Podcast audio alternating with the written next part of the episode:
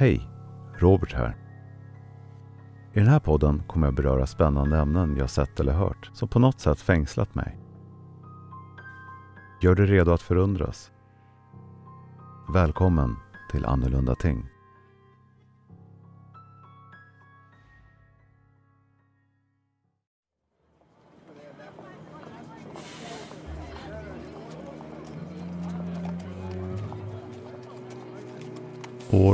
1855. New York. Den 16-åriga fabriksarbetaren Cornelia hade plågats länge av tandvärk på höger sida av sin underkäke.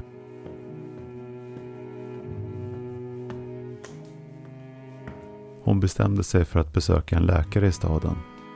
Hon förklarade att hon arbetat minst åtta timmar långa pass per dag på en tändsticksfabrik de senaste två åren. Men hade nu för ont för att ens äta. Det slog henne såklart inte att det var den vita fosforn som användes för att göra tändstickor som hade orsakat smärtan. Hennes läkare visste inte bättre heller så han drog ut en tand och skickade tillbaka henne till fabriken. Men Cornelia återvände efter en kort tid till sjukhuset i ett ännu sämre tillstånd. Ett hål hade bildats i hennes käke och det varade något bedrövligt. Det fanns i det läget inget annat för läkaren att göra än att i en smärtsam och mödosam operation ta bort hela hennes underkäke.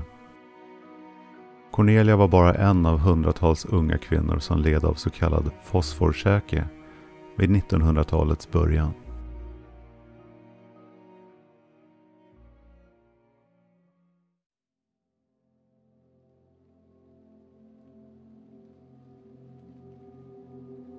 Doften som fyller rummet av välbehag efter att man har tänt ett par levande ljus är väl ganska svårslaget. De flesta associerar tändsticksdoft med mys och lugn. Men visste du att denna väldoftande sticka bokstavligen fått människor att tappa hakan? Historien om de brittiska tändsticksflickorna under det sena 1800-talet är kanske inte så välkänd.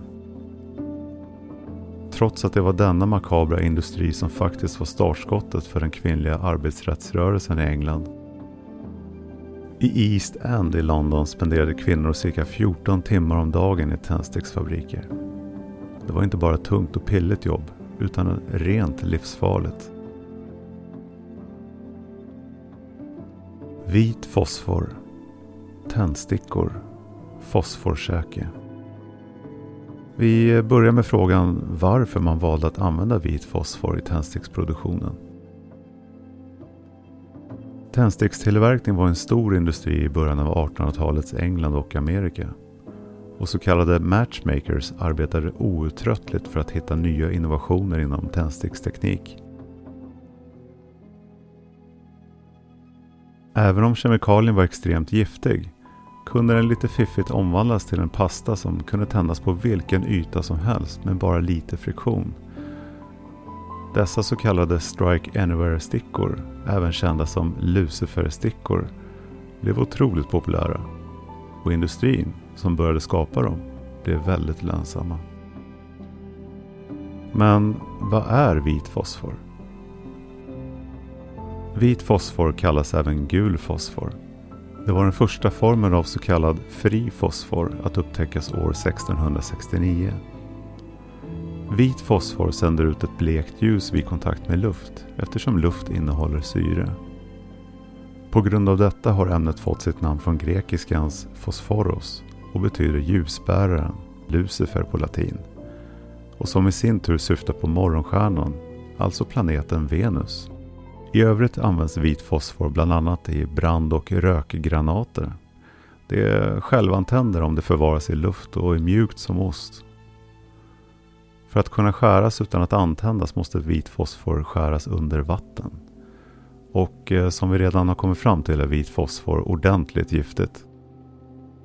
Vit fosfor framställs i industriell skala genom uppvärmning av en blandning av apatit, kvartssand och koks i elektriska ugnar vid 14 till 1500 grader. Då bildas fosforpentoxid och en slagg av kalciumsilikat. Varför var det farligt med vit fosfor? Att arbeta med vit fosfor, ja, spetsarna av tändstickorna preparerades med ämnet för att möjliggöra en strike anywhere-effekt som vi har pratat om. Det innebar att man kunde tända stickan var som helst. Vit fosfor var mycket giftigt och var det som i slutändan orsakade sjukdomen som kommer kallas fossigjaw eller fosforkäke.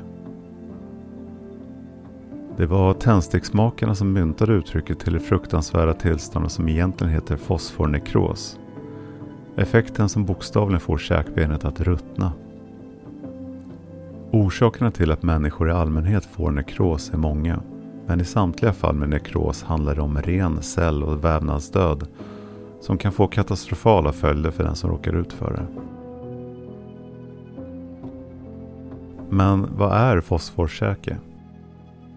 Det första registrerade fallet av fosforkäke observerades 1838 hos en tändsticksflicka i Wien. År 1844 rapporterade en läkare i Wien om ytterligare 22 fall av fosfornekros i käken. Trots det fortsatte industrin.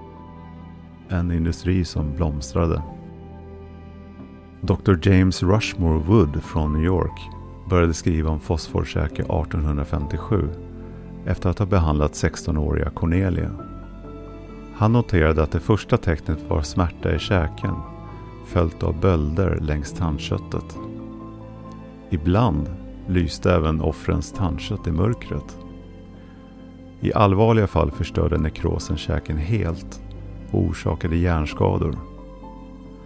Att inte ta bort käken kunde sluta med döden. Hans procedur på Cornelias käke, som involverade att använda en kedjesåg från 1800-talet, som beskrivs som något som liknar en ostskärare, var från början inte framgångsrik. Wood var tvungen att utföra en andra operation och övervaka sin patient i en månad innan han kunde friskförklara Cornelia. Andra offer hade inte lika tur som Cornelia. En 22-åring vid namn Barbara som arbetat på en tändsticksfabrik i över tre år dog mindre än tre månader efter att hennes symptom började. Sedan var det Annie, en 13-åring som märkte att hennes händer började lysa i mörkret efter att ha arbetat i en tändsticksfabrik i fyra år. Liksom Cornelia eh, genomgick hon en käkamputation. Och sen Maggie, 23 år, hon fortsatte att arbeta i tändsticksfabriken efter att ha genomgått fem operationer för att ta bort käken. Det uppskattas att cirka 11 procent av de som exponerades för vit fosforånga utvecklade fosforkäke. Enbart USA rapporterade mer än 100 fall 1909. Varför orsakar vit fosfor skador i just käken? Ja, exponeringen för arbetaren skedde dels via inandning av damm eller ånga av vit fosfor. Dels genom att händer, mat och dryck var förorenade med vit fosfor. Detta ledde oftast till att man drog ut tänder, men eh, det resulterade i ett sår som inte läkte. Sekundära infektioner tillstötte, vilket gjorde käkbenen, både underkäken och överkäken, sköra och nekrotiska. Det beskrevs att stanken kring dessa individer var outhärdlig. Vad hände i industrin efter att man upptäckt problemet? Läkare började så småningom att behandla kvinnorna för sjukdomen som ofta spred sig till hjärnan vilket ledde till en smärtsam och fruktansvärd död. Om inte käken amputerades vill säga.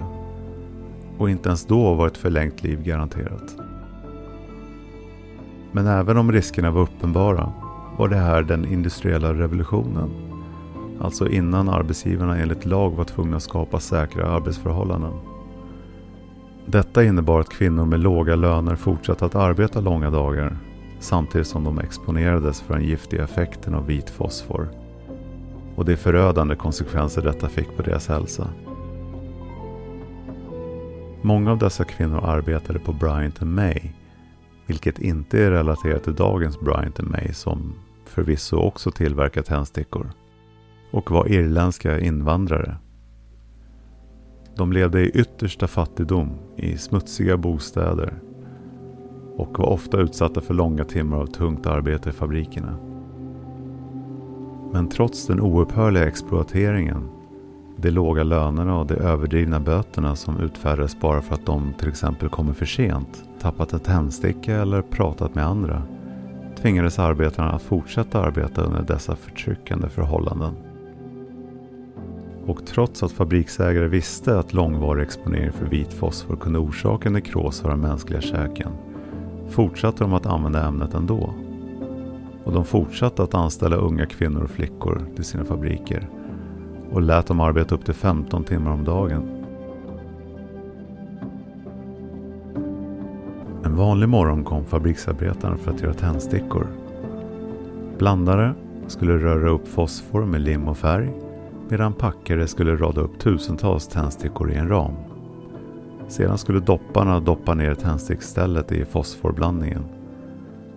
Efter att tändstickorna torkat skulle andra arbetare paketera. En doppare, som säkerligen var den som utsattes värst av vit fosfor, kunde tillverka upp till 10 miljoner stickor om dagen. Allt samtidigt som de utsattes för dödliga kemikalier. Fabriksägare införde nya, om än mindre, procedurer för att begränsa skadan.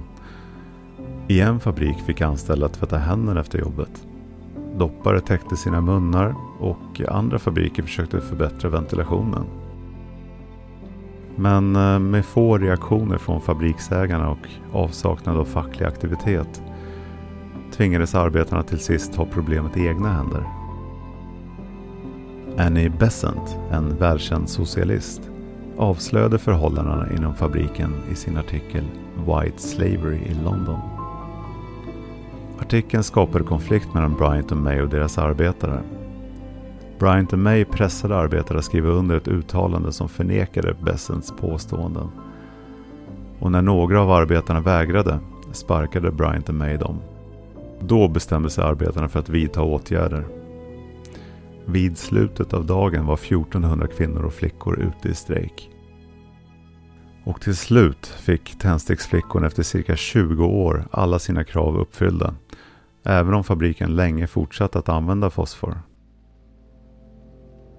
Även om fosfor ännu inte var förbjuden i England väckte strejken 1888 ny uppmärksamhet av de fruktansvärda förhållandena i många fabriker. Journalister krönikerade övergreppen, inklusive ett försök till mörkläggning av allvaret med fosforsäke. 1892 publicerade Star en exposé om Fossijaw på Bryant May Tidningen avslöjade att Brian May tvingade en av dess arbetare med fosforsäke att sluta och lovade att fortsätta betala hennes lön när hon återhämtade sig. Men när hon väl blivit botad vägrade de att återställa hennes jobb. Och andra tändsticksfabriker avböjde att anställa henne på grund av hennes ärrade utseende efter sjukdomen. Arbetsgivare hävdade att en kvinna som saknade halva käken skulle skrämma de andra arbetarna. Även efter att ha hört talas om mörkläggningen valde den brittiska regeringen att inte förbjuda vit fosfor som vid det här laget hade skadat arbetare mer än ett halvt sekel. Men eh, 1898 bötfällde den brittiska regeringen slutligen Bryant May på 25 pund. Motsvarande några tusen dollar med dagens standard. Om statlig reglering inte skulle förbättra arbetsvillkoren skulle konkurrensen kunna göra det. 1891 gick Frälsningsarméns grundare William Booth med i kampen mot användning av vit fosfor. Han öppnade en fabrik som vägrade att använda kemikalien i hopp om att det skulle pressa andra fabriker att göra detsamma. Hans fabrik gav konsumenterna ett sätt att bojkotta de vita fosfortändstickorna. Samtidigt som de erbjöd arbetarna anställningstrygghet. Frälsningsarméns tändstickor bar en etikett som lovade att de var tillverkade under hälsosamma förhållanden och var helt fria från fosforn som orsakar tändstickans spetälska. Men trots deras moraliska överlägsenhet sålde Frälsningsarméns tändstickor inte bra. Och det var inte förrän franska kemister upptäckte fosforseskvisulfid, en säker ersättning för vit fosfor, som slutligen gjorde ett slut på bruket. Brian May bytte till alternativet 1901. 1906 gjordes vit fosfor olaglig vid producering av tändstickor. Detta eliminerade så småningom sjukdomen i Storbritannien. På samma sätt i USA valde regeringen att lägga en straffskatt på vita fosfortändstickor.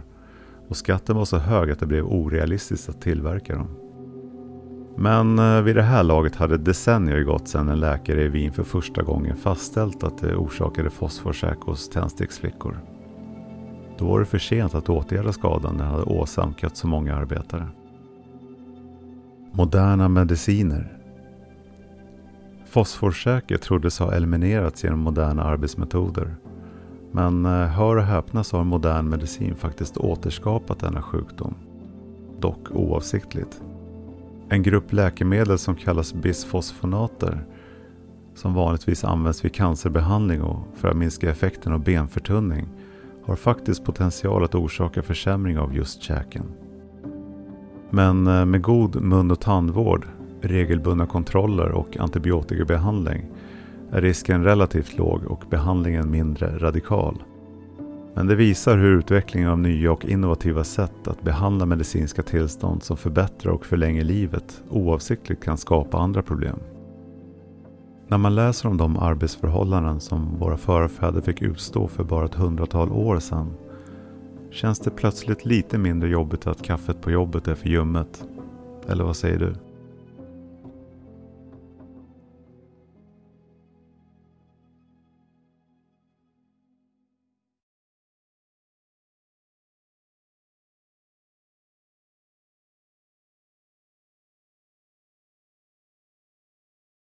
Tack för att du lyssnar på min podd.